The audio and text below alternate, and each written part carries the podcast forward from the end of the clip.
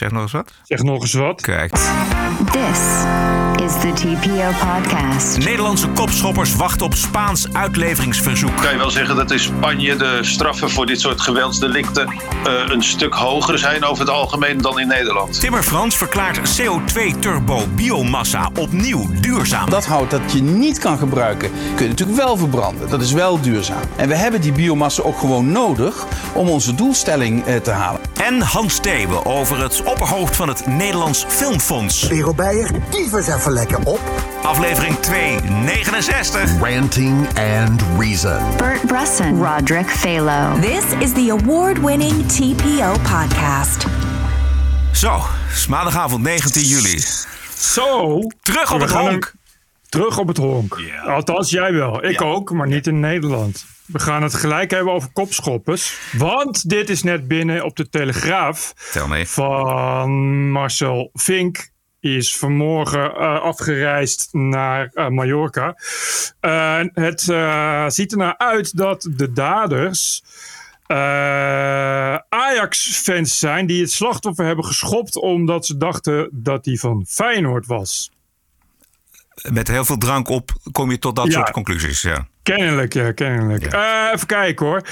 Eh, iemand die als propper iets verderop werkt in het gebied wilde de vechters zegt dat de vechtersbasis wilde duidelijk maken dat ze Ajax supporters waren en geen Feyenoord fans tolereerden. Vlak voordat het geweld uitbarstte werd iets geroepen over Ajax en Feyenoord ving hij op. Eh, even kijken, het gaat om blanke jonge mannen. ja. Waar het een beetje nu op draait op deze maandagavond is waarom er nog niet een uitleveringsverzoek van Spanje is. Want dat, is, dat ligt er nog niet voor zover wij eh, kunnen zien. En eh, zolang er geen uitleveringsverzoek ligt, eh, is er ook geen reden tot aanhouding van de politie, las ik. Dus het gaaiers loopt nog gewoon rond. Ja, eh, een van het gaaiers heeft inmiddels een advocaat. En die heeft laten weten eh, dat hij eh, er alles aan gaat doen om te voorkomen dat ze worden uitgeleverd. Maar hij heeft ook laten weten dat zijn cliënt of cliënten, hij wil niet zeggen hoeveel of wie die vertegenwoordigt, zichzelf gaan melden bij de politie. Ja. Hij zegt: Het zijn jonge verdachten voor wie het belangrijk is dat ze in een eventuele voorlopige hechtenis door hun familie kunnen worden bezocht. Ja. Er zijn, eh, ik heb eh, even geïnformeerd Ja. bij eh deskundigen, een advocaat. En er zijn meerdere mogelijkheden. Ofwel, Spanje wil er zelf ook vanaf. Die zullen het ook druk hebben. Dat is verder net als in Nederland. Dus het kan zijn dat ze zeggen, dat komt mooi uit. Laten we het vooral allemaal in Nederland doen. Want dan hebben wij er geen gezeik mee. Vooral ook omdat de slachtoffer, het dodelijke slachtoffer... maar ook de andere slachtoffers Nederlanders zijn en daders Daders, ook. ja. Dat geeft heel weinig grond om het in Spanje te doen. Ofwel, Spanje eh, wil graag eh, een daad stellen. En die willen iets doen tegen het aanhoudende geweld van. Helaas moet ik zeggen, toch vooral Britten en Nederlanders. Ja. En dan kan het zijn dat ze op een tre- strepen gaan staan en zeggen: we willen het hoe dan ook hier afhandelen. Eh, die kans is vooralsnog niet zo groot. Hm. Ik hoorde vandaag Edwin Winkels. Hij is correspondent onder meer voor het AD. Een groep van eh liefst 13 landgenoten, ook Nederlanders, die schijnt al eerder eh, ruzie hadden gemaakt met mensen. Ze waren ook een café uitgezet. En vanuit het niets begonnen ze op hem en die vier vrienden in te slaan. Drie eh, raakten lichtgewond, eentje buiten bewustzijn. Maar deze 27-jarige die, ja, die werd op de grond nog tegen zijn hoofd getrapt. raakte daar al buiten bewustzijn. En heeft eh, enkele dagen in het ziekenhuis gelegen met hersenletsel. En is daar niet van hersteld, helaas. Nee, is daar zelfs aan overleden. Doet ook ontzettend denken, Bert, aan die vechtpartij in Praag. Dat, is, eh, Ja. dat was een zware mishandeling van een ober in Praag door Ja. een Nederlands vuilnis in 2018. Eh, die ober die overleefde de mishandeling. Twee hoofdverdachten kregen in hoger beroep vijf en vijf en een half jaar cel. Plus het betalen Ja. van 70.000 euro schadevergoeding en een inreisverbod van 10 jaar voor Tsjechië. Wat is het toch Ja. met die gasten? Ja, ik, eh, ik weet het ook niet. Dit, is, dit is echt eh, een soort nachtmerrie. Dan ben je dus eh, ja, tussen de 18 en de 20. Eh, en dan heb je iemand doodgeschopt terwijl je op vakantie bent. Dat is, ik, dat is, je, kan daar gewoon, je kan daar gewoon niet bij. Je kan gewoon niet bedenken hoe eh, hoe, dat, hoe dat dan is. Weet je, wat, wat, wat, wat, ja, hoe, moet je dan, hoe moet je dan voelen? Maar ook hoe kom je toch in godsnaam tot dat geweld? Zo, ik kan me ook niet. eh, eh, we hebben allemaal wel eens gedronken en, of iets gebruikt. Terwijl je, toen we jong waren en toen we uitgingen. Ik kan me niet herinneren dat ik ooit dacht: ik heb zo'n zin om eens even lekker iemand kapot te trappen. Nee. Ja, weet je, het is- als je nou ook, want dat, dat is het, is ook alles wat, je, alles wat de getuigen zeggen en wat je leest, dat die jongen had gewoon niks mee te maken. Die zat daar gewoon. En het blijkt ook dat die jongens al, al een spoor van, van vernielingen en, en eh, lastigvallen. Dat deden overigens die, die kopschoppers in Praag net Ja, zo. Hè? precies. Die waren ook al een dag of twee waren ze bezig met mensen lastigvallen. Ja. Ja, ik, ik kan me daar gewoon niet, ja, ik, weet je, het is, het is Eh, zo raar. Ja, logisch zou je kunnen zeggen van nou, dat zijn, ja, er, is niet alleen gedronken, maar er is ook eh, andere drugs gebruikt, weet ik van cocaïne. Ja. En het zijn mensen die zich dan opeens met die cocaïne Precies. heel erg groot en geweldig voelen. Dus dat is een soort van het, eh, het minderwaardigheidsgevoel eventjes eh, overstijgend. De vraag is even waar ze beter terecht staan. Is het in Spanje of is het in Nederland? Nog één keer Edwin Winkels. dat die man van 27 is overleden, maakt het niet gewoon zware mishandeling, maar maakt het gewoon doodslag of moord. Dat zal een rechter moeten bepalen. En kijken welk aandeel elk van hen daarin heeft gehad. Niet alle dertien namelijk hebben, hebben meegedaan met, eh, met die vechtpartij. Eh, in totaal zijn er negen verdachten.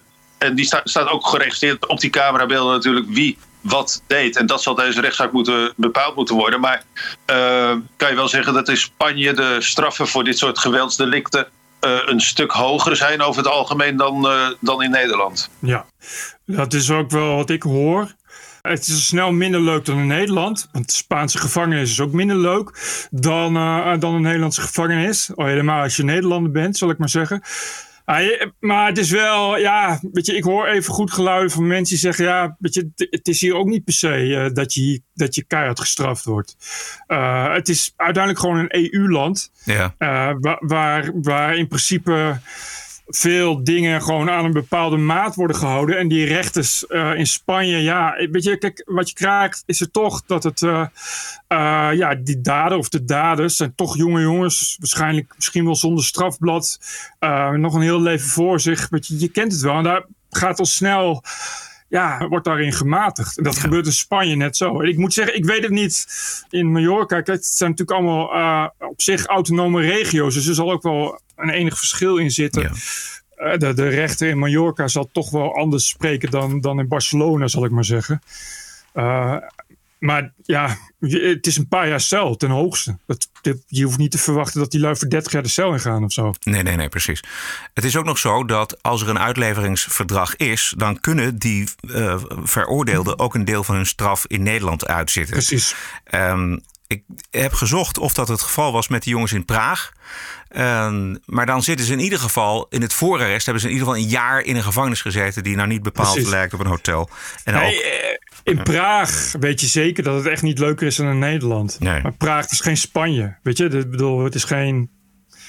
Het, ja, het, het is, het hangt, ik weet het niet. Het hangt een beetje vanaf. eh, eh, of, of je, maar goed, wel, wat ik wel weet is dat je natuurlijk als verdachte wil je er alles aan doen om in Nederland te blijven. Ook omdat je, ja, je, kijk, het Nederlands strafregime is per definitie het mildste.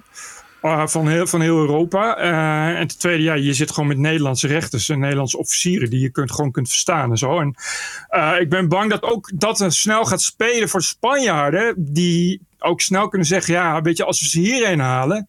eh, zitten wij met de romslomp. We moeten weer tolken huren en het duurt Ja. allemaal extra lang. en Het kost allemaal extra veel. Ja, je bent dan al snel blij dat je er vanaf bent. Dat je het in Nederland kunt houden. ja. Ja, het zou een verklaring kunnen zijn waarom de Spanjaarden nog niet met een uitleveringsverzoek zijn gekomen. Nee, dat, dat heeft. Het punt is, eh, eh, dat, dat is een bureaucratisch proces. En eh, dat- moet een rechter doen of een rechtercommissaris. En het gaat hier in Spanje, dat weet ik uit, uit eigen ervaring. elk bureaucratisch proces gaat drie keer zo langzaam. En het is, het is in het weekend is er geen rechter die dat gaat tekenen. Dus het is eh, vandaag, na de siesta, wil daar eens een keer iemand naar kijken. Ja. Uh, en dan moet dat, moet dat uh, in 16 fout officieel per courier. Je kent het allemaal wel. Dus dat wordt wel morgen voordat er, dat er is. Ja. En dat heeft, dat heeft te maken met, met, met bureaucratie. Het is niet iets wat je even, wat je even snel doet. Dat gaat via, via diplomaten en via uh, OM's wederzijds. Ja, je weet hoe het Nederlandse OM is. Dat is net zo. Dat is wel leuk tijdens kantooruren. Weet je, dus ja. Uh, Oké, dus de arrestatie kan nog even wachten. Dat vond ik wel raar eigenlijk. Dat omdat er nog geen uitleveringsverzoek is, ik kan ook de Nederland, het Openbaar Ministerie in Nederland nog niks. Terwijl Nee, ze, om- ze, ze, ze weten wel wat er gebeurd is. Je zou zeggen, nou, als het sprake is van een hele zware misdaad... of, een, of nog, een, nog een veel zwaardere misdaad... dan krijg je een soort Interpol-zoektocht. en dan zitten die gasten volgens mij binnen een paar uur achter, achter tralies in, in voorarrest. Maar dat is in dit geval niet het geval. Nee, maar dat is altijd zo. En je kan als politie kun je alleen iets doen als je ook een bevel krijgt om dat te doen. En dat bevel moet dan wel uh, van een OM komen. En als het niet van het Nederlands OM komt, moet het van een ander OM komen. Zolang je dat niet hebt, kun je iemand niet arresteren. Je moet iemand wel ar kunnen arresteren op een grond natuurlijk. En die is niet, als je die niet officieel hebt, dan houdt het een beetje op. En uh, ja, kijk, het is raar is dat je natuurlijk een open EU hebt met open grenzen. En je zou verwachten dat dit soort dingen dan ook uh, een beetje vlot gaan. Weet je, maar ja, je ziet hier hoe dat dus in de praktijk gaat. Dit is, gewoon, dit is gewoon hoe het gaat en dit is hoe het altijd gaat. Ja. Is, het een dag meer of minder is, is niet bepaald een uitzondering. Ik weet dat uh, ja, destijds die kopschoppers in Breda, dat was de dader, was ene Brent uit België, waar Pauw net toen zo op zat, weet je wel. Ja. Waar toen van die beelden van waren. Ja, die jongen die is, uh, weet je, ik geloof dat hij echt meer dan een jaar heeft gewacht voordat hij, voordat hij een keer kon worden uitgeleverd. En dan heb je het over Nederland en België. Oké, okay. nog meer? Uh, nee, dat was wel. Ja, ik heb het toen met die kopschops ook al gehad. Zo, wanneer houdt het geweld een keer op? Zo, ja, hogere straffen. Maar goed, je hebt nu in, Nederland sinds kort de mogelijkheid om doodslag tot 25 jaar te geven. Nou, dat gaat niet gebeuren. Maar volgens mij, ik ben er nog steeds van overtuigd dat als je er 100 jaar op zet, doen dit soort lui ook. Je, dit zijn gewoon lui die, die uh, als ze te veel zuipen en te veel speed hebben genomen, weet ik veel wat ze slikken. Uh, überhaupt niet meer bezig zijn met de realiteit. Dus Nee, dat is ook zo. Maar als bij zo'n daad een, een gigantische straf, zeg 15 jaar gevangenisstraf standaard, uh, dat daarboven hangt, dan denk ik dat mensen zich misschien nog wel een keer afvragen of ze dat gaan doen. Ik denk ook bijvoorbeeld dat die jongens, die Nederlandse jongens, ook niet meer, als ze alweer in Praag uh, mogen komen, dat ze zo snel weer uh, tot geweld overgaan. Want ze weten dat het serious business is en dat ze, dat nee, ze dat zes jaar de cel in kunnen. Dus dat, dan, dan werkt het volgens mij wel preventief. Nou ja, je, het zou in elk geval mooi zijn als je als, je als overheid dat signaal geeft. Ja. En dat signaal durft te geven. Nou ja, dat zou in Nederland. In Nederland geven we nog geen eens het signaal als je Peter de Vries omlegt. Dus ik geloof niet dat, uh, dat we daar uh, snel op hoeven te rekenen. Goed, wachten hoe deze zaak verder loopt. TPO Podcast. Vandaag is ook bekend geworden dat het kabinet alle adviezen van deskundigen genegeerd heeft bij het doorvoeren van de coronaversoepeling op 26 juni. Vandaag 3,5 week geleden. NRC Handelsblad kwam vandaag met dat nieuws. Het, het, gaat vooral om het niet afwachten van een belangrijk field lab in Amsterdam, bij Club Shelter. Zowel bij het kabinet als bij het OMT was er geen belangstelling voor. En ook de ventilatienormen die werden gewoon versoepeld. Terwijl dat misschien toch ook misschien niet het goede moment was. Uh, kortom, medische adviezen in de wind geslagen. OMT en Field Labs adviseerden om mensen, uh, om alle bezoekers en medewerkers van een evenement binnen 24 uur voor het einde te testen. Maar volgens het kabinet lag dat voor medewerkers. Daar gaan we weer juridisch ingewikkeld. Goh. Ja. Ja. Ik vond het wel groot nieuws van uh, NRC. Ja, ik, ik lees, ik lees de laatste dagen alleen maar dat, dat, dat het kabinet vrijwel alle adviezen in de wind heeft geslagen. Er zat zo'n ongelofelijke haast bij. Heel raar. Ja, dat vond ik zo raar. Dat hebben we al eerder geconstateerd. Maar het is een, het is een hele rare haast die rampzalig is uitgepakt. Ook uh, anderhalf jaar je verschuilen achter de adviezen. Ja, ja weet je wel, tegen, tegen, tegen, tegen weer en wind, tegen alles in. En dan nu ineens is het echt zonder ook maar één advies op te volgen. Ineens van de andere dag, oh, we gaan alles opengooien. Ja. Het, ja. Het, gewoon raar, het is gewoon raar. Ja. Goed. Um, Sylvana Simons die eh, heeft niet alleen deze actie van het kabinet, maar de hele anderhalf jaar in het gezicht gevreven van Rutte. Daar gaan we zo meteen naar luisteren. Maar eventjes nog iets anders over bijeen. Namelijk dat vandaag bekend werd dat uh, de politieke partij bijeen de boel toch niet heel erg bijeen houdt. Uh, de nummer twee op de kieslijst en dus plaatsvervanger voor Sylvana Simons, antiracisme-activist Quincy Grario. Die is uit de partij gezet. Trouw kwam vanmorgen met dat nieuws. En de woordvoerder van de partij laat weten dat er signalen waren dat niet iedereen zich veilig voelde binnen bijeen. En dat had alles te maken met deze Quincy. Ja, het verbaast me helemaal niks. Waarom niet? Nou, dat is. Uh, je hoeft dan niet een uh, tien jaar psychiatrie te hebben gestudeerd. om uh, een Quincy Gario. toch op zijn minst iemand te zien die. laten we zeggen. het gezeik nogal naar zich toe trekt. Het is natuurlijk een. Natuurlijk een, een, een nogal uh, prototype narcist. Die, ja. uh, waar, waarmee je natuurlijk niet lekker kan samenwerken. Dat is ook wat ik, wat ik lees. Ik las in de Telegraaf een artikel. Ik las ook dat uh, die Tinkerbell, die kunstenares, die, die heeft precies hetzelfde ook met hem meegemaakt. Het is natuurlijk iemand die bij alles gaat gillen dat je tegen hem bent. Weet je, wat je ook doet en wat je ook zegt. En dat is natuurlijk, terwijl je in, in, in bijeen, het is een politieke partij, ja, daar moet je natuurlijk af en toe enigszins samenwerken. Of dan krijg je, dat is natuurlijk iemand die meteen gaat gillen dat het dan bukken is voor witte mensen en dat soort gelul. Ja. Zelfs zijn voormalige strijdmakker Jerry Afrië, die kan de man niet luchten of zien. Nee. Dat is ook zo'n uh, antiracisme-activist. Toch is het raar. Dit, zijn allemaal zaken die, die hebben al in het verleden plaatsgevonden. En dan zet zo'n bijeen, zet zo'n man toch op de tweede plek. Plaatsvervanger voor uh, Sylvana. Ja. ja, maar ja, hij heeft natuurlijk het, het mediaprofiel mee. En je kan bovendien Sylvana natuurlijk ook niet uh, heel veel mensenkennis verwijten. Dus die, die, die dacht ook van, uh, dit, is, dit is een goeie.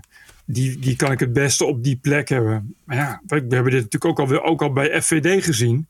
Dat dit soort dingen is het eerste waar je over struikelt.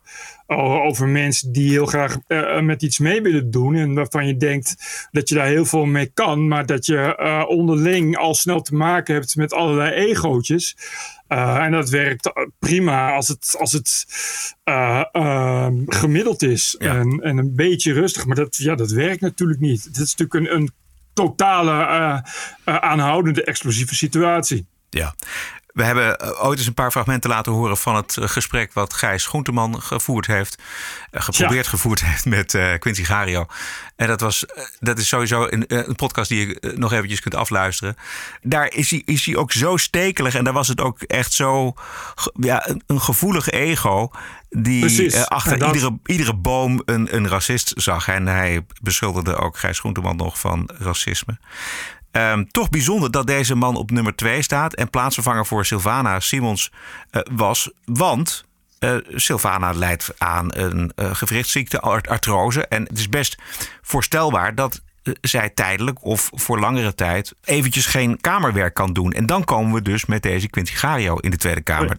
Dat is een heel groot probleem, ja. Dat is wat je dus krijgt. Die, ja. Uh, Quincy Ga, ja, je kan, uh, hij, je kan, wel, je kan hem wel, wel uit bijeenzetten, maar hij, hij staat op de tweede plek. Jij denkt dat hij nog blijft? Die, die kans is heel groot. volgens, mij, volgens mij kun je daar niks aan doen. Je kan dan nee? aan iemand gaan, je kan dan gaan zeggen van je moet niet komen, maar het is wel een, ja, het is wel een dingetje. Ja. Want hij, je kunt hem inderdaad uit de partij zetten, maar hij houdt misschien ja, hoe werkt dat precies eigenlijk? Dat is... Je kan wel iemand uit de partij zetten, maar dat is niet per se wederzijds. Dan, hier, dan ga je zeggen, ja, ik ben gekozen om daar nummer twee te zijn. Want mensen kiezen op basis van, van wat je daar hebt. Dat is een dan, goeie. Je, dan moet je iemand, uh, je moet wederzijds, met wederzijds toestemming moet je dan zeggen, oh, ik kap ermee. Ja, dat, dat is, en dat is, gewoon een, dat is gewoon een probleem. Je staat gewoon op nummer twee. Je kan die lijst niet zomaar aanpassen. Wow. Dus dat betekent dat als uh, Sylvana, om wat voor reden, nou ja, om de reden van artrose dus, een tijdelijk uh, afwezig is, dat Quincy Gario zich in de Tweede Kamer wurmt. Nou ja, dat kan. Uh, je, je, je, moet, dan, dan moet je hopen dat je, dat je, dat je dat bij zo iemand uit zijn hoofd kan praten. Ja.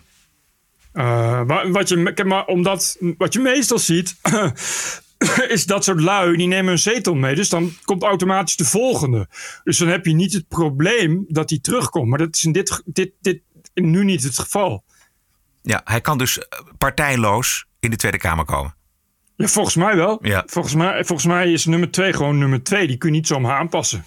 Het zal wel kunnen, maar dat moet je wel. Dat, je kan dat niet ineens zeggen van ik wil jou niet meer op die positie hebben. Ja, dat, dat, daar is over gekozen ooit Ja, destijds. precies. Ja, daar hebben de kiezers zich over uitgesproken. Maar goed, Sylvana is nog steeds alive en kicking. Flinke aanvaring tussen Simons en Rutte over de motie. Simons, die motie die kwam op het volgende neer. Het kabinet heeft niet het doel om volksgezondheid te beschermen, maar maakt bewust, wat mij betreft, een misdadige en onethische keuze om mensen in gevaar te brengen. Ik vind het per definitie onethisch om te sturen op IC-capaciteit. En daarmee bepaalt het kabinet voor hele groepen in dit land dat ze het risico mogen lopen om ziek te worden. En dit keer waren het dan toevallig de jongeren.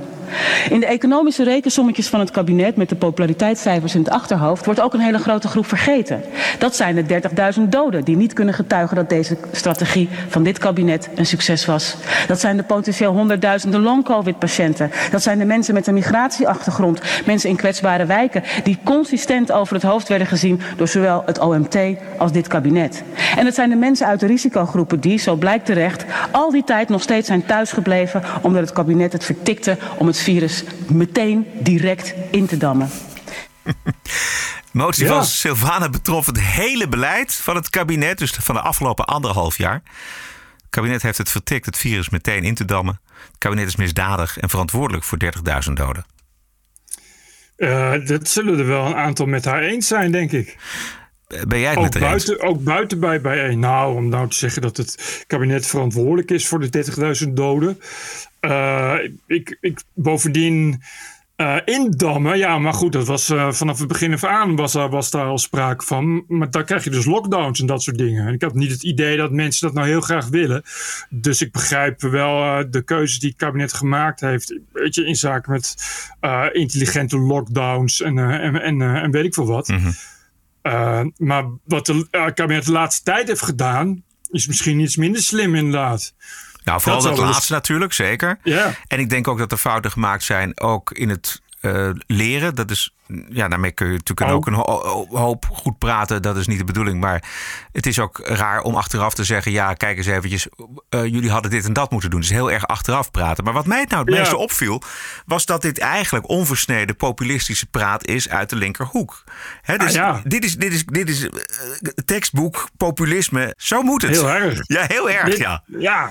Dit is inderdaad. is Populistisch dan dit wordt het niet. Nee, exact. Je, kunt, je, scheert, je scheert anderhalf jaar over één kam. En je noemt het eh, kabinet misdadig. Ja, het is. eh, eh, ik wist niet dat, Nou, dat ik- het zo populistisch was, dat bijeen. Nou ja, het is de hoefijzer hè, die elkaar raakt. De linker en rechterzijde bo- bovenin aan de hoefijzervorm. Ik neem aan dat Geert Wilders en Thierry Baudet toch wel goede vrienden kunnen worden met, eh met Sylvana. Als het over, Ja. als het over populistisch discours aankomt. Ja. Rutte pikte het niet. Wij zijn diep geraakt door deze motie. Eh, echt eh, emotioneel geraakt, alle drie. En via ons eh, natuurlijk ook al die mensen die in het land al anderhalf jaar bezig zijn om de corona te bestrijden. En ik vind echt dat je niet alles kunt zeggen. Je mag alles zeggen, vrijheid van meningsuiting. Maar beschaving en, en, je, en innerlijke censuur stellen ook grenzen aan wat je zegt. En hier staat eigenlijk in dat er dood door schuld is van 30.000 mensen. En nog heel veel andere dingen. Dus ik vind het echt een verschrikkelijke motie. Een verschrikkelijke Ja. motie. Ja. Ja.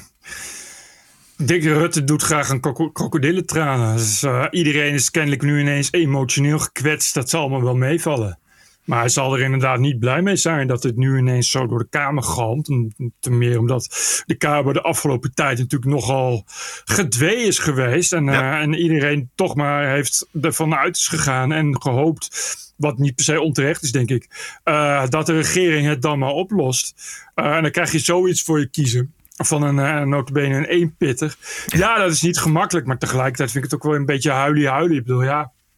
Ik vind, het, is, het zal niet de eerste zijn en ook niet de laatste die, eh, die zegt dat het allemaal de schuld is van, eh, van Rutte. Ja.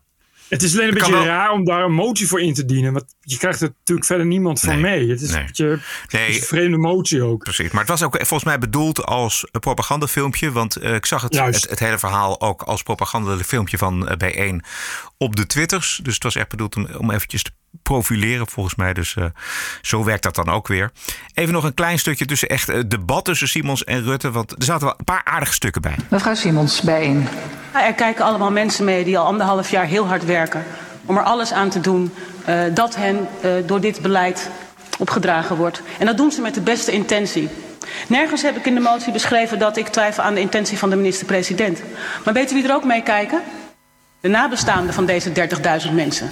De nabestaanden van de, van, van, van de mensen die zijn overleden. En als de heer Rutte eh, eh, eh, vindt, eh, het wil hebben over beschaving. en daarmee impliceert dat ik die zou ontberen. dan ben ik daardoor licht geraakt. Licht hoor, want ik, licht hoor, want ik ben niet heel snel geïrriteerd. En dat weet meneer Rutte. Dank u wel. De minister-president.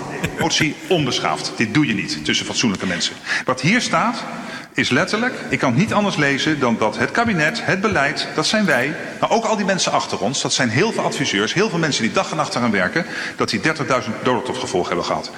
Maar om de indruk te wekken dat door de gekozen strategie er hier 30.000 doden te betreuren zijn, het is het, en, en alle andere dingen in deze motie, het gaat voor mij betreft ver off Voorzitter, limit. als ik Tot zo, slot, mevrouw als ik zo vrij mag zijn. Ik vind het onbeschaafd, voorzitter, om eh, als een motie wijst op 30.000 te betreuren overledenen in dit land. Dan vind ik het onbeschaafd om te zeggen, dat mag je niet zeggen, want dat is lullig voor alle ambtenaren. Dank u wel, voorzitter. Het niveau zinkt behoorlijk hier.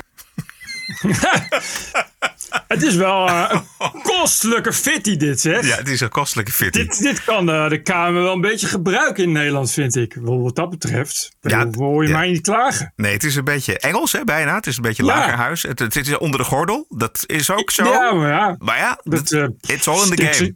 Sticks and stones, man. Het- dat, vind, dat vind ik dus het terug van Rutte. Die komt dan meteen weer met dat met het uh, fatsoen en respect. Zeg, houd toch op, man. Je, Nee, maar dat mag hij ook doen. ja, Ik ja, hij mag nou zich ja, ook dat op deze manier ver- verdedigen. Maar dat is wel een heel slechte verdediging. Dan kun je beter niks zeggen. Zeg dan gewoon niks. Laat het dan gewoon lekker gaan. En zeg van, eh, ja, ik heb je gehoord. Eh, prima. Hm. Het is allemaal zo, zo, zo. Ja, ik vind dat het wel, het wel moet ook wel kunnen. Ik vind dat ze wel, eh, wel ja, nou, op zich is het toch goed dat ze zo een beetje zo haar frustratie houdt. Bovendien, eh, haar achterban kennende, zijn niet wel eens met deze manier van discussie voeren. Dus Ja. nou ja. Ja. Hij is er klaar mee volgens mij. Hij moet op vakantie of niet? Ja, is het niet, eh, was Ja. het niet al eens een keer reces? Ja, dat dacht eh, ik ook, ja. Onderhand. Of Ja. hoe zit dat? Ja, eerst moest er nog een het weer, verhuizing plaatsvinden naar dat nieuwe gebouw. Waar ze dan nu Oh, in ja. zitten. Nou ja, goed. Nee, het is inderdaad tijd voor reces voor Rutte, denk ik. Even, even helemaal weg. Hè? Ja. Afgelopen week kwamen Eurocommissaris Timmermans en zijn adjudant Diederik Samson met de Green Deal. Heel erg kritisch was de ontvangst niet, want we Goh. moeten, we moeten het klimaat redden. Dat is een beetje het idee, ook bij, bij, bij de mainstream media. Behalve de Telegraaf dan.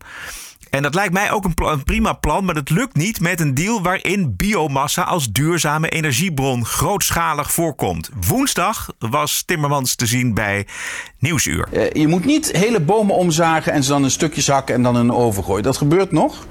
Eh, en dat is fout. Dat kan niet. Oké, dus dit is eventjes even noteren. Dit Ja. vindt Timmermans fout. En dan? Maar je kunt wel dat hout dat je niet kan gebruiken, hè, dat geoogst wordt, maar niet gebruikt kan worden voor de bouw of voor meubelmakers of voor andere eh, doeleinden, wat dan overblijft, kun je natuurlijk wel verbranden. Dat is wel duurzaam. Ik vind het Ja. lastig te begrijpen, ja. Dus hout, ha- ha- bomen verbranden is niet duurzaam. Eh, hout dat overblijft ver- eh, verbranden is wel duurzaam. Eh, Ja. CO2 van bomen is CO2 van bomen. En we hebben die biomassa ook gewoon nodig om onze doelstelling eh, te halen. Zonder biomassa halen we de doelstelling zeker niet. Juist, Oh. dat is het.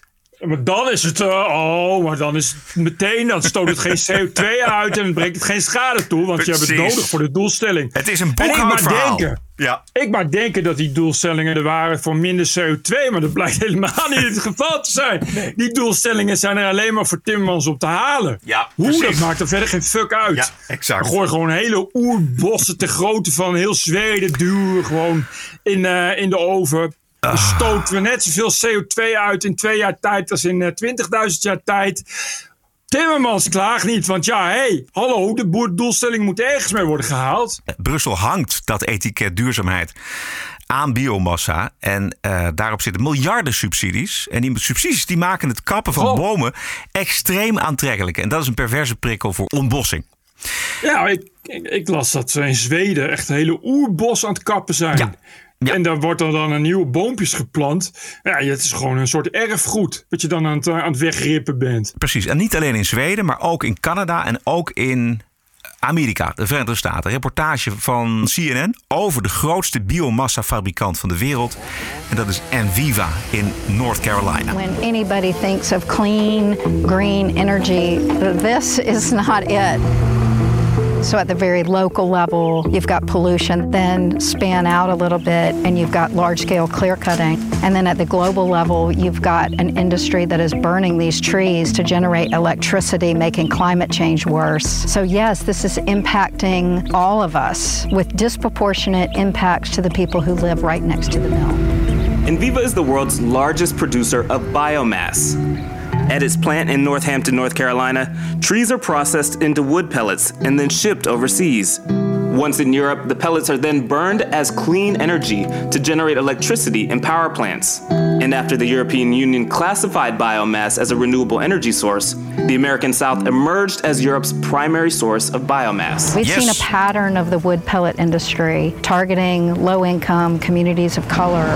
When you look at our communities and you see communities of color, and this is where it is, that we have these factories here that's polluting our air. They're cutting down all of our trees. We need these trees. So, this forest that we're looking at right here is about 100 years old, and within a week it was gone, clear cut, turned into wood pellets. When you go over to the wood pellet mill, you see the pollution coming out of the smokestack. That is not clean, that is not green. When it goes over to Europe and it's burned in a power station, it's emitting even more pollution, emitting more carbon than would have been coming out of the smokestacks if they had been burning coal. Exactly. En je hoort in deze reportage van CNN hoe het de arme zwarte Amerikanen treft. Uh, als we dan toch eventjes op de, op de walktour gaan. Alles is verkeerd aan biomassa. Alles.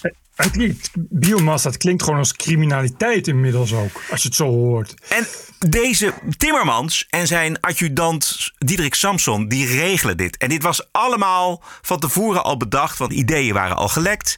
Het is niet duurzaam, hebben het uh, Timmermans zelf horen zeggen. Maar omdat bijvoorbeeld een land als Nederland voor 60% duurzame energie haalt uit boekhoudkundig uh, de biomassa kan het niet worden geschrapt. Want dan kunnen we boekhoudkundig de Parijse afspraken niet nakomen. En daar draait het allemaal. Het is allemaal politiek.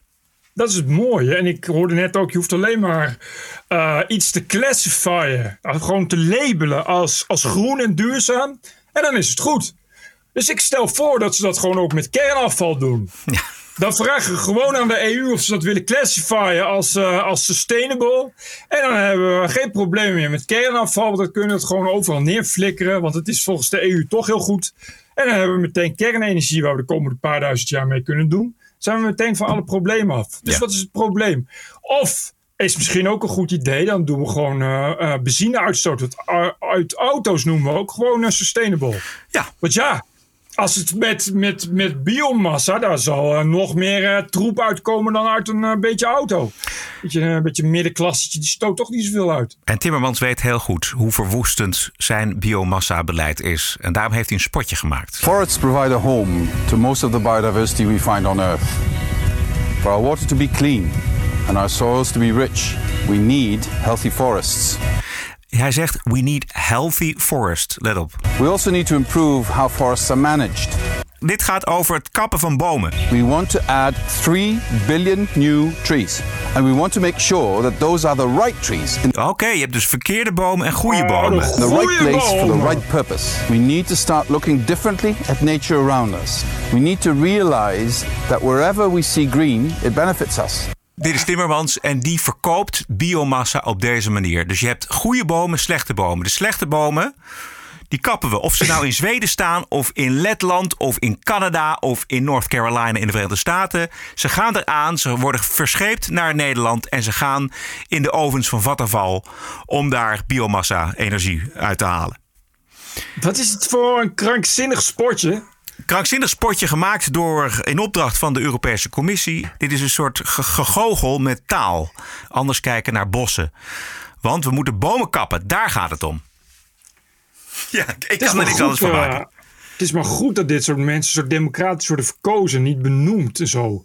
Anders zou je nog denken dat je daar zelf mee schuldig aan bent. Ik kan me ook niet herinneren dat überhaupt toen er ooit iets van verkiezingen waren, zeg voor het Europarlement, wat toch een soort van democratie is, al zal eh, niemand het verre veel kunnen interesseren, dat we toen al wisten dat we straks ook eh, bomen massaal moeten gaan verstoken. Of dat één persoon kennelijk gaat dicteren hoe heel Europa zich aan klimaatdoelen moet gaan houden. En hoe die klimaatdoelen in elkaar gaan worden gezet. Namelijk met goede bomen en slechte bomen. En met het, met het vergassen van, eh, van de verkeerde bomen of zoiets. Ik kan me er niet herinneren dat ik daarvoor getekend heb. Het klinkt meer als een soort van oekase die ineens via, via Ed Nijpels. Ook al zo'n ook zo'n Ja. factotum waarvan je denkt... Sorry, Hebben die wie is? Ed Nijpels? Waar ik de laatste keer dat ik Ed Nijpels zag, eh, was dat nog bij Henk Spaan en Harry Vermegen. En was hij nog iets belangrijks bij de fucking Tros. En nu ineens bepaalt Ed Nijpels voor iedereen in Nederland dat we allemaal een, een, een warmtepomp moeten.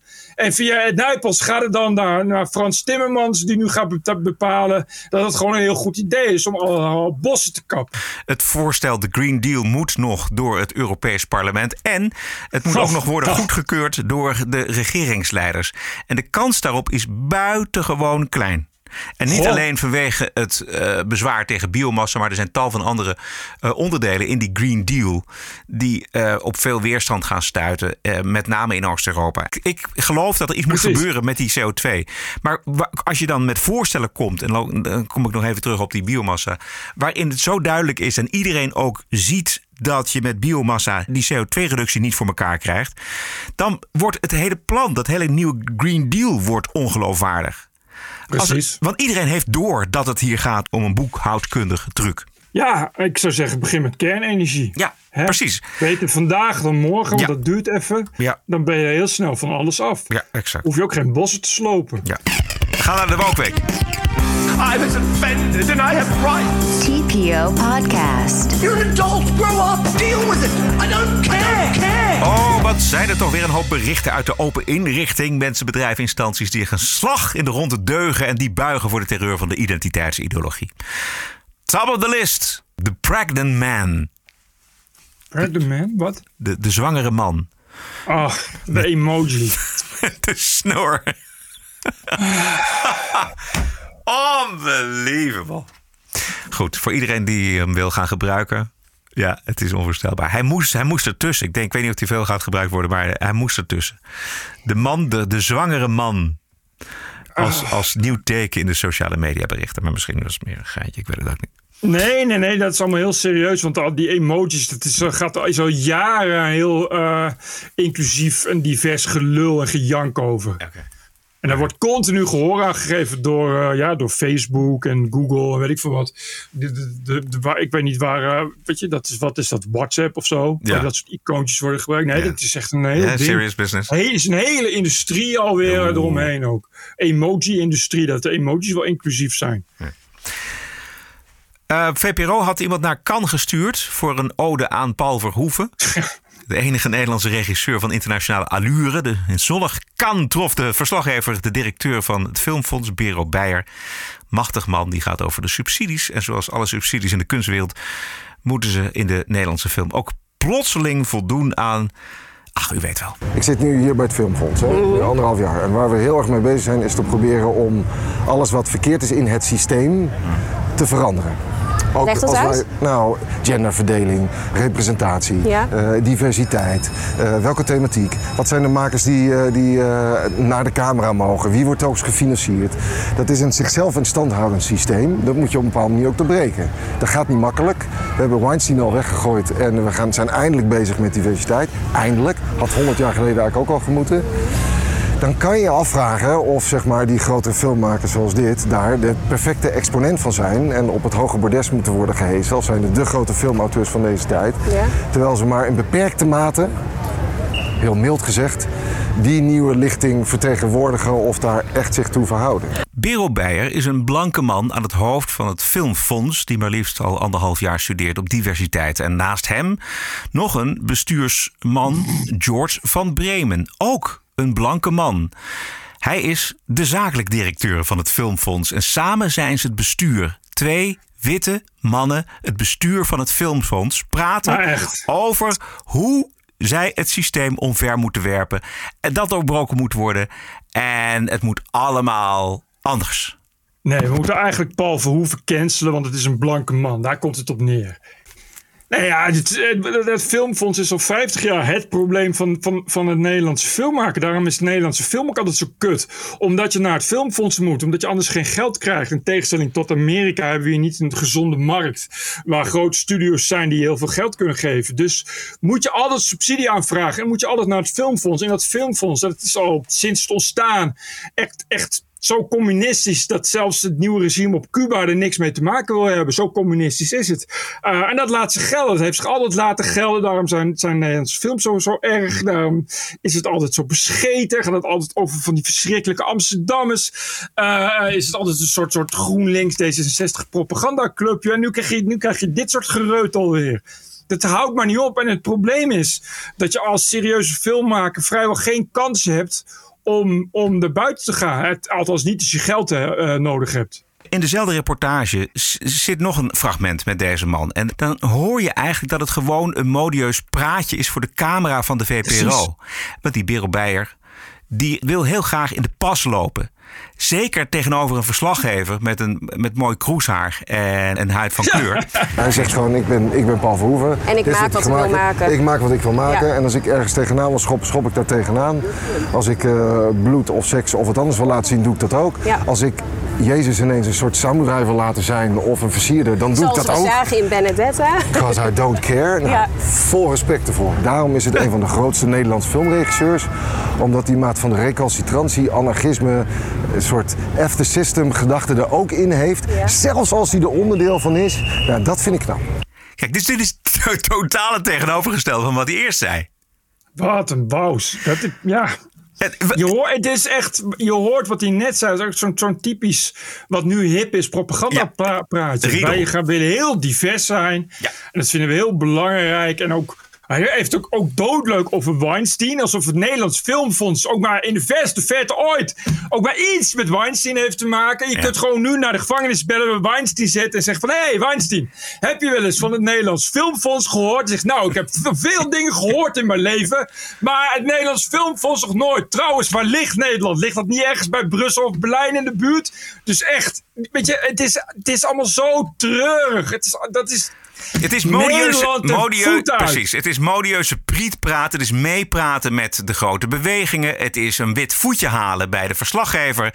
Eh, het is ook eh, zeggen tegen de buitenwereld: we zijn al anderhalf jaar bezig. Heel hard aan het werken. Met z'n twee, die twee blanke mannen aan de tafel van het Filmfonds. Heel erg druk Ja, bezig. dat. Om eh, de, de- het systeem omver te krijgen.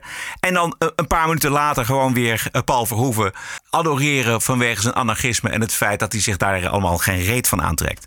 Ik snap ook niet, weet je. Presenteer dan een strategie waaruit blijkt hoe je de komende anderhalf jaar jezelf gaat wegzuiveren. We- Ik, ik begrijp echt serieus oprecht niet hoe dat soort lui Ja. het toch dan weer bestuurd worden door blanke mannen. Ja. Dus je, je hoeft toch niet, je hoeft toch echt, het hoeft toch geen, eh, er hoeven echt geen twee zwarte transgender meneren te zijn. Je kan toch gewoon een vrouw vinden en, en eh, eh, iemand van kleur. Je, ik bedoel, het is toch dat je dat niet beseft, hoe triest Ja, dat is. ja. Dat je in 2021 het nog steeds niet lukt om het anders te maken dan blanke mannen. En ik vind het allemaal prima. Voor mij mogen overal blanke mannen zitten. Maar kom dan niet zeiken over diversiteit. Dus je begint dan bij Ja, jezelf. Exact. Hans Theeuwen had een aardige boodschap voor deze man op Geen Stijl vandaag. Bero Beijer, je bent saai. Alles wat je aanraakt wordt saai. Alles wat je zegt is saai. Iedere ruimte die je binnenloopt wordt saaier. Ik wil niets met jou te maken hebben. En ik hoop dat de filmindustrie durft te zeggen... Dief eens lekker op. Weet je wat hij ook gezegd heeft? We gaan meer films maken over het koloniale verleden. Op bepaal jij bepaal jij wat de inhoud van de film is? Je bent helemaal geen maker, je bent niet creatief, je bent een flutfunctionaris die helemaal niks kan. Ken je plek? Zag hooi. En als de mensen in de culturele sector dit allemaal pikken, tja, dan zie ik mij genoodzaakt om hetzelfde te doen wat de meeste Nederlanders al doen. De hele sector links laten liggen en langzaam dood laten bloeden. Maar zeg mij in godsnaam dat jullie iets meer pit in je donder hebt. Juist. Ja, precies. Nou ja, maar dit is eh, vertolkt het gevoel wat dus inderdaad bij veel mensen leeft. Dit is waarom niemand ook iets met die sector te maken heeft, behalve die mensen in de sector zelf. En waarom ze vooral heel veel over elkaar heen pissen. Maar je kan, en dat is. kijk, Weet je wat Hans zegt? Als je, als, je iets wil, als je echt iets wil, als je talenten hebt, dan denk je van ja, ik weet niet, maar ik ga niet, wat moet ik in die sector? Dan kom je dus bij iemand die zegt ja, ik wil graag eh, meer films over het koloniale verleden. Dus stel dat je een leuke film wil maken. Toevallig eh, eh, heb ik dat wel eens gehoord. Dat is een filmmaker of een scenario schrijver. Die had een heel gaaf verhaal over een snackbar-eigenaar die werd overvallen door twee Marokkanen. En daarna gaat hij daar eh, wraak op nemen. Helemaal in Quentin Tarantino-stijl. Nou, ze zagen hem aankomen bij het filmfonds. Weet je, Marokkanen die een snackbar overvallen, dat kan natuurlijk niet. Want in het echt gebeurt dat natuurlijk helemaal niet. Weet je, dus je zult een, een eigen verhaal willen vertellen. Je zult iets zelf willen maken. Ja, dan, dan kom je het film van zich. Nee, we zijn nu bezig met de komende tijd met films over het koloniale verleden. Oké, ah goed, maar je krijgt natuurlijk geen mensen die allemaal talent hebben in het maken van films over het koloniale verleden. Wat je krijgt, zijn mensen die geen talent hebben, maar wel graag subsidie willen. En denken, hé, hey, weet je wat wij gaan doen? We gaan films maken over het koloniale verleden. Toevallig dat ze bij het filmfonds daar nu heel veel subsidies voor uitdelen. Nou, dat is een beetje zo in de Nederlandse culturele sector al jaren het geval. Vandaar dat het allemaal zo kut is. Ik dacht eerst dat het een grap was, maar de Belgische VRT die meldt toch bloedserieus. Duitse busmaatschappijen die hebben besloten om het woord zwart rijden niet meer te gebruiken. Ja. Omdat steeds meer mensen de term als racistisch zien. Nou, dan kon je wachten, toch? Zwart varen. Daar kon je op wachten. Ja, nee, dit is je- Ja. Wat je zegt is al heel lang een grap. Van mag ik nog wel zwart, eh, op zwart zaad zitten of zwarte koffie drinken. Of eh, zwarte gedachten hebben. Eh, of zwart rijden. Maar dat was inderdaad natuurlijk wachten op dat, dat iemand, een soort Quincy Gario, maar dan in Duitsland, gaat zeggen dat het ook kwetsend is. En waarop de openbaar vervoersmaatschappij dan in paniek raakt. Zegt, oh, dan gaan we dat gelijk afschaffen. In Even kijken. De Duitse Lufthansa gaat ook eh, dames, het gebruik van dames en heren afschaffen. In navolging van de NS. Oh, wat goed. Het wordt geachte reiziger, Oh, geloof ik. Of, of, of geëerde klant. Maar niet meer dames en heren. Oké, goed zo. Duitsland ook op koers. Eh, interview met de luizenmoeder, actrice en regisseur Ilse Warringa in de Volkskrant van vorige week zaterdag. Die heeft de humorloze flink op de kast gekregen. Zij vertelt in het interview dat humor onder druk staat omdat er altijd wel wordt geroepen dat je minderheden en andere mensen kwetst en dat grappen maken over anderen juist eh, relativerend is en prima is. Dat is wat, wat, wat zij vindt.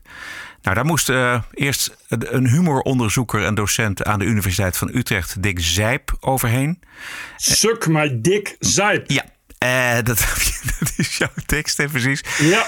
Die schrijft dat humoristen onderschatten dat humor bestaande machtsverhoudingen versterken en bevestigen. Humor is altijd verbonden met macht en die is ongelijk verdeeld. En Dick Zijp die komt serieus met het advies om grappen uit te gaan leggen aan gekwetsten. Dat vond ik toch wel heel bijzonder. Hè? Ik heb echt. ik, je kan toch niet. Weet je, eat my dick, Zijp. Je kan toch niet. eh, een genuance, hij wil een genuanceerd debat over humor. Hoe dodelijk, je, dodelijker, echt dodelijker dan dodelijk wordt het niet. Een genuanceerd debat over humor. Nee. Gewoon nee. Nee. Dick Nee. Zijp, gewoon niet. Nee, nee, precies. Ga weg. Vandaag in de Volkskrant, diezelfde Volkskrant, is echt een, een humordebat gaande. Het is echt een godspe van hier tot Tokio. Maar eh, columnist Teun van der Keuken, die eh, schrijft er ook een column over. Die is ehm, eh, hartstikke boos op die luizenmoeder. Hij, ik dacht eerst dat het satire was. Ik, Oh, ik dacht ja. eerst, de boel, dit is niet echt. Maar hij bedoelt het echt. Hij vindt het echt. Hij zegt, een deel van de mensen zal haar grapjes gemakkelijk ouderwets... en niet leuk en grievend vinden... voor bevolkingsgroepen die toch al vaak al onderop liggen.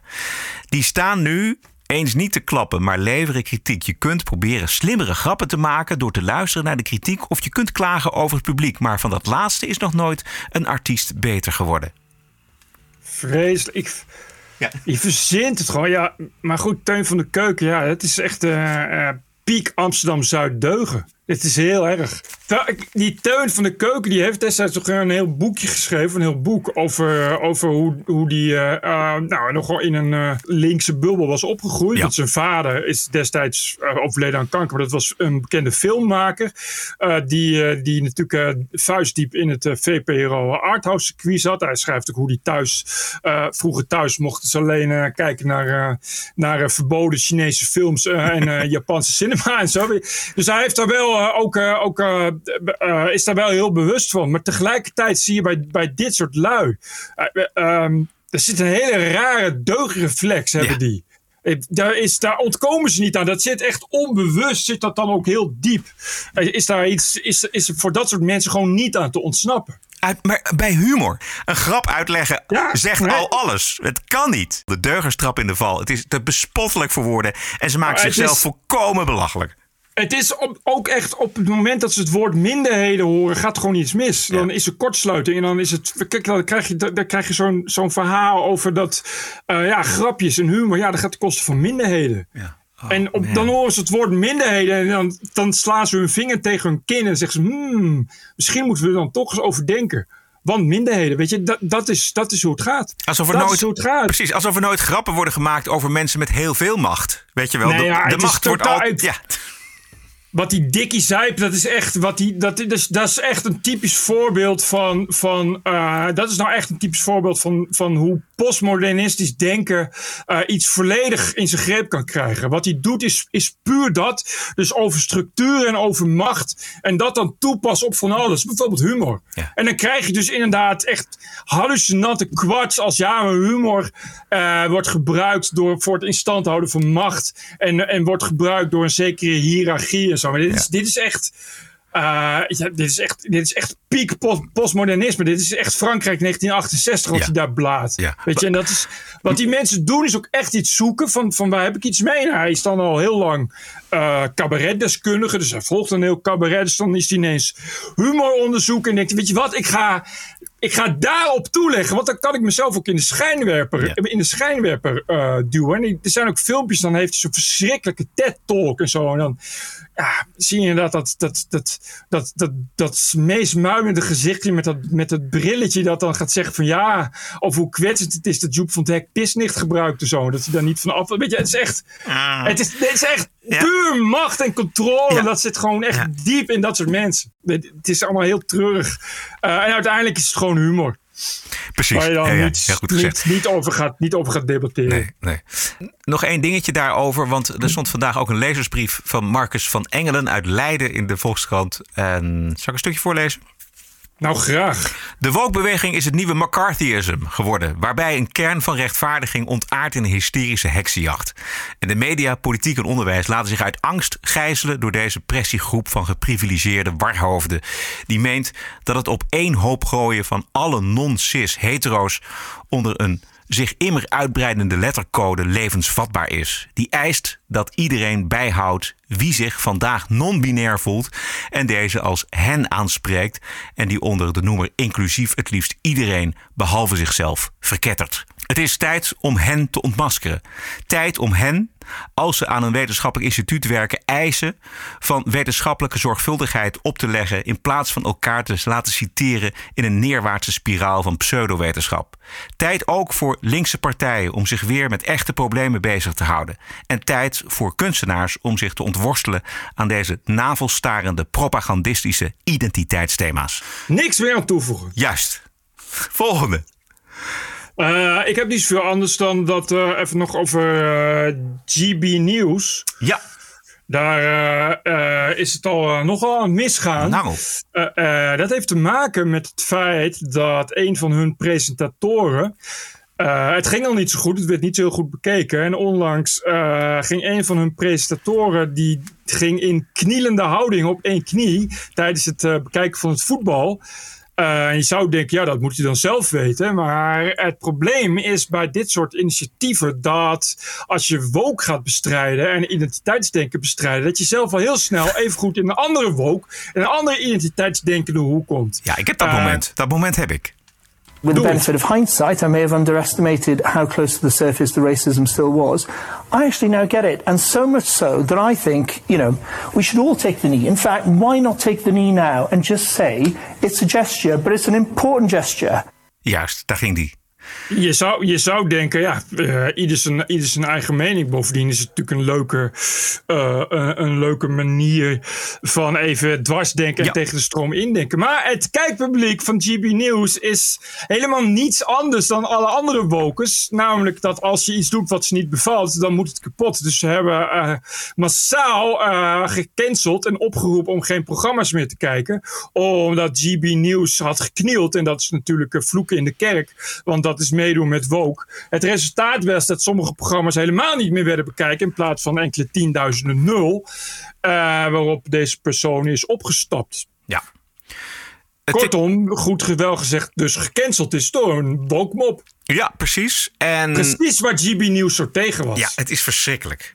En wat ook niet meehielp, dat eh, Andrew Neil, de voorman, Op vakantie op is. vakantie is. Er is nog een andere belangrijke man achter de schermen. Die is ook eh, eh, vertrokken of die Is- wilde is weg. ook weg, ja. Dus eh, als ze niet uitkijken en als dit meer is dan een kinderziekte... dan gaat het hele feest niet door. En ze begonnen nou net zo lekker. Ja, maar dit is dus hoe het gaat. En ik, ik zie nu al, ik kan je vertellen dat dit zo gaat het ook straks met eh, eh, ongehoord Nederland. Dat is de precies, ja, maar dat is precies dezelfde doelgroep. En ik, ik zit hier al heel lang in in deze doelgroep. En het wordt alleen maar erger. Maar dat, het is, hoe harder iemand roept dat hij tegen woke is, hoe groter de kans is dat hij zo woke is als de neten. Namelijk alleen dan aan de rechterkant. Precies. Het zijn dezelfde mensen die roepen dat. hetzelfde. Het zijn dezelfde mensen die roepen dat vrijheid van meningsuiting een absoluut gegeven is. Maar op het moment dat ze een mening horen die hen niet bevalt, dan roepen ze dat het eh, gecanceld moet worden. Ja, Ook nee. omdat eh, in eerste instantie had GB News ook gezegd van ja, we hebben eh, allemaal vrijheid van meningsuiting hier. Dus als hij wil knielen, moet hij dat doen. En pas later, nadat iedereen op Twitter elkaar ging aansteken en opstoken om geen GB News meer te kijken, hebben ze hem toch maar eruit, ge- uit- eruit gehaald uit de programmering. Waardeloos. Goede nieuws is wel dat Nigel Farage nu is ingehuurd. precies. Ja, die moeten, die moet de kijkcijfers uit de put trekken. En het kan altijd nog zo zijn dat dit natuurlijk... Ja, mensen beginnen nou eenmaal met een hoop enthousiasme aan zo'n avontuur. En dan vallen er toch misschien een paar mensen af. Eh, ik hoop dat de doorstart succesvol is. Want ik vond het wel een mooi initiatief. Ik heb er nog eentje. Ja? Dat is een briefschrijver eh, zaterdag in de krant. En dat gaat over de rechtbanktekeningen. Even een stukje Ach, ja. gelezen. Heb je gelezen? Ja, ik. Nee, echt- niks? Ja? ik heb het gelezen, maar god man. Ja, ja, vreselijk. In de krant werd deze week uitgebreid aandacht besteed aan een proces over de moord op advocaat Dirk Wiersum. Bij enkele artikelen werd een rechtbankillustratie geplaatst waarop verdachten Huppeldepup en Huppeldepup stonden afgebeeld. Niet alle lezers waren over de tekening te spreken. Dan gaat het over dat de illustratie zo goed is dat het eigenlijk net een foto is. En een ander bezwaar is dat etnisch profileren van minderheden, want de verdachten komen uit een minderheidsgroep, dat moet ten koste van alles worden vermeden. Dus wordt de illustrator aangemoedigd eigenlijk om niet zo eh, realistisch eh, tekeningen te maken. Echt, het wordt, het is, het is, ik heb daar geen woorden voor, omdat die mensen zijn zo dom. Het punt, het hele punt van het feit dat het een tekening is, is omdat een tekening is een persoonlijke en subjectieve weergave van een kunstenaar. Dus eh, je kan dus zeggen, ik verbied het om foto's en films te maken in rechtszaak, omdat je de privacy wil beschermen. En je zou kunnen zeggen, eh, ik wil graag ook dat er niemand zit die tekeningen maakt, maar aangezien die rechtszaak openbaar is en aangezien die tekening is niets meer is dan een representatie van wat een kunstenaar in zijn hoofd heeft, namelijk een afbeelding eh, van de werkelijkheid, kun je dat natuurlijk onmogelijk verbieden. Dat is het hele, hele idee. Je kan wel zeggen, ik wil geen tekenaars meer. Maar ja, dan moet je gaan zeggen, ik wil nooit meer ook maar een rechtszaak openbaar hebben. Want iedereen die kan tekenen, kan dus gewoon tekenen. Alleen het is nooit gezegd dat die tekening die je ziet, dat het ook de werkelijkheid is. Het is een representatie van de werkelijkheid. Je moet alles, Mensen die daar tegen zijn, die, die willen dus gewoon echt kunst gaan verbieden nu. net zoals humor, Bert. Ja, een genuanceerd debat moeten we erover gaan voeren. Juist, alles uitleggen. What a woke week it was. This is the TPO podcast. TPO Podcast. De TPO-podcast bestaat bij de gratie van uw donatie. Geen subsidie, geen commerciële invloed. Dit is de TPO-podcast. Ranting and Reason.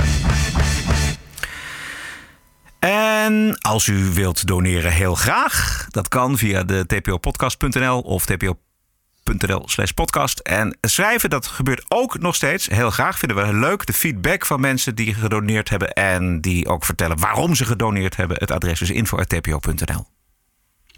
Bert. Ja, ik heb er maar één vandaag. Oké.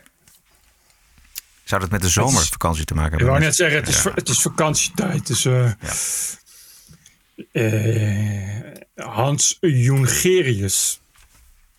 Beste Bert en Roderick. Ik heb 104 euro gedoneerd aan jullie. Omdat dat hetzelfde bedrag is dat je kwijt bent voor het allergoedkoopste abonnement op de Volkskrant. Die krant viert zesmaal per week de Wokweek, maar dan geheel anders dan jullie. En om dezelfde reden heb ik ook maar een abonnement op de Telegraaf genomen. nu ben ik ook woke, omdat ik de krant van Wakker Nederland lees. Ga zo voort met jullie nobele, dappere en tevens onderhoudende en heilzame werk. Groeten Hans Jongerius. Dankjewel Hans. Allemaal goede argumenten hoor ik. Het is wel zo. Precies. Wij zijn het helemaal mee eens. Ja. Als u denkt, ja, dit is hartstikke leuk, dit wil ik ook. Dit wil ik ondersteunen, dat is hartstikke belangrijk. Want we leven niet van de wind, zoals u weet. Dan is dit spotje voor u. Dit is de TPO-podcast. Een eigenzinnige kijk op het nieuws en de nieuwsmedia. Twee keer per week, elke dinsdag en elke vrijdag. 100% onafhankelijk, want zonder reclame en zonder een cent subsidie. The award-winning TPO podcast. Wat is het jou waard? Een euro per aflevering? 104 euro per jaar? Of kies zelf een bedrag? Waardeer en doneer op tpo.nl slash podcast. De TPO-podcast. Wat is het je waard? Ik heb alleen nog een bonusquote, Bert. The award-winning TPO podcast. Wel even klaarzetten bij deze dan. Eh, Als je de- kunt vinden. Eh, Ja, ik heb hem. Ik heb hem. Amerikaanse regering, even over Cuba nog. De Amerikaanse regering die vreest dat opnieuw veel Cubanen de veranderingen in eigen land niet willen afwachten. En in bootjes stappen om de gevaarlijke overtocht naar Florida te maken. Dat is namelijk eerder gebeurd, zoals u weet. Eh, net als op de Middellandse Zee mensen naar Europa gaan, verdrinken daarbij heel veel mensen. En dus waarschuwt de Amerikaanse regering: doe het niet. De bonusquote is van de Amerikaanse minister van Homeland Security. Hij zegt: waag de oversteek niet. Allow me to be clear. If you take to the sea, you will not come to the United States. The time is never right to attempt migration by sea. To those who risk their lives doing so, this risk is not worth taking. Again, I repeat, do not risk your life attempting to enter the United States illegally. You will not come to the United States. Dit is de boodschap Zo. tegen verdrinking midden op zee. Dit Misschien is iets voor Europa. Precies. Dit is de boodschap die Europa, de mensen die voor veel geld op boten in Libië en Tunesië op zo'n boot stappen, wil onthouden. Omdat Europa het beschaafder vindt om mensen te laten verdrinken dan om illegale immigratie tegen te houden en de buitengrens te controleren. Zo moet het. Zo moet het. Zoals inderdaad. deze Alejandro Mayorkas. Eh, dat is de minister van eh, Homeland Security. Eh, ja, hij zou eh, misschien een keer even kunnen speechen hè, voor het Europese parlement. En eh, ook eens een keer in de Nederlandse media dit soort dingen zeggen. Wie weet werkt het. Het, zou, het, zou, het schept in elk geval veel duidelijkheid ook. Je weet in elk geval zeker ook waar je aan toe bent als je dan een bootje instapt. Namelijk dat je er sowieso niet in komt. Precies, en dan doe je het dus niet. Het is het leven. Nee, het is je leven niet waard. En even voor de mensen die nog denken dat we in de, in de Trump-era zitten. Dit is Biden policy. Dit is jullie held. Je komt Amerika gewoon niet in, dus het heeft geen zin om op een boot te stappen. Helaas, het is Europa, dus het is moeilijk. Het is zo hypocriet, jongen. Het is zo Ja, het- het cynisch houdt gewoon Het is op weerzinwekkend cynisch, dat, dat immigratiebeleid in Europa. Het is heel ernstig. Ja. Goed. Eh, ja, dit was eh, de bonusquote. Dit was de bonusquote. De TPO-podcast is te vinden op onder meer Spotify, Apple Podcast, iTunes en natuurlijk eh, tpopodcast.nl. Zeer veel dank voor deze ondersteuning van aflevering 269. Post kan naar info.tpo.nl en waarderen kan op tpo.nl slash podcast of tpopodcast.nl. Wij zijn terug aanstaande vrijdag. Stay cool en Tot vrijdag! Right. TPO Podcast. Bert Bruson, Roderick Balo, ranting and reason. Never be woke enough. That's the problem. It keeps going. It keeps Right. going further and further and further down the line. And if you get that to the point where you capitulate, where you agree to all these demands, it will eventually get to straight white men are not allowed to talk. Podcasting is the TPO podcast in the Netherlands. Bert and Roderick. What a show. I'm telling you. Keep the show running. Go to tpo.nl slash podcast. Thank you.